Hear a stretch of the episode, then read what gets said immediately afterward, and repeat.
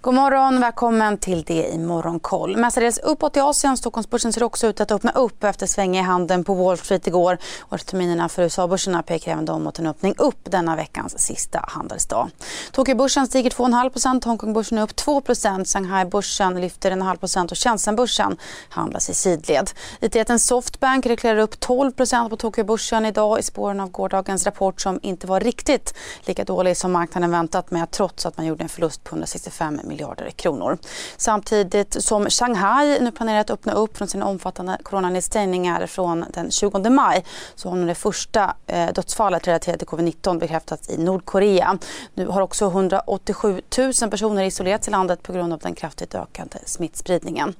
Flera kryptovalutor återhämtar sig idag efter de senaste dagarnas kraftiga fall. En bitcoin kostar nu återigen drygt 30 000 dollar. Samtidigt har blockkedjan bakom den kollapsade stablecoinen Terra och systervalutan Luna som i princip förlorat hela sitt värde den senaste veckan stoppat nya transaktioner för andra gången på mindre än ett dygn. Terraform Labs skriver också på Twitter att man jobbar på en plan för att rekonstruera Terra-nätverket. Och det var svängig handel på Wall Street igår. Både S&P 500 och Nikkei Nasdaq stängde slutligen båda i sidled. För att chefen Jerome Powell sa också i samband med att han godkändes för en ny mandatperiod i den amerikanska senaten att det inte kommer att vara smärtfritt. CSRD, ännu en förkortning som väcker känslor hos företagare. Men lugn, våra rådgivare här på PWC har koll på det som din verksamhet berörs av.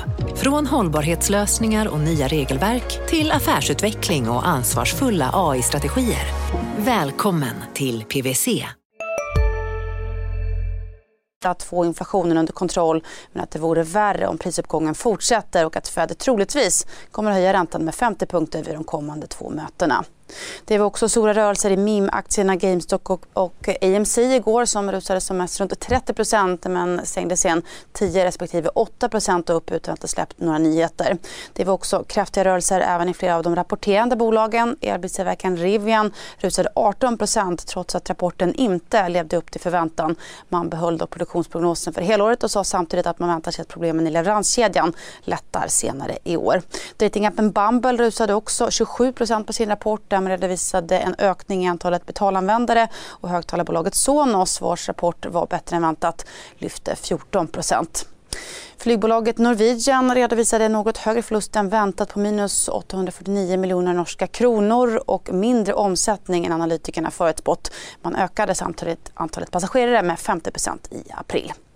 Det är inte jättemycket på agendan idag men vi får i alla fall fransk och spansk inflation och Michigan Index som mäter konsumentsentimentet i USA. Dessutom får vi några rapporter från bland annat BTS och Bergman och Beving. Vi håller naturligtvis också ögonen på när den säkerhetspolitiska analysgruppen presenterar sin rapport i riksdagen inför NATO-beskedet på söndag.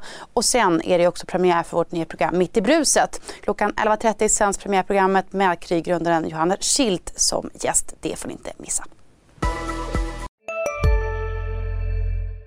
CSRD. Ännu en förkortning som väcker känslor hos företagare. Men lugn, våra rådgivare här på PWC har koll på det som din verksamhet berörs av. Från hållbarhetslösningar och nya regelverk till affärsutveckling och ansvarsfulla AI-strategier. Välkommen till PWC. Hej, Synoptik här. Så här års är det extra viktigt att du skyddar dina ögon mot solens skadliga strålar. Därför får du just nu 50% på ett par solglasögon i din styrka när du köper glasögon hos oss på Synoptik. Boka tid och läs mer på synoptik.se. Välkommen!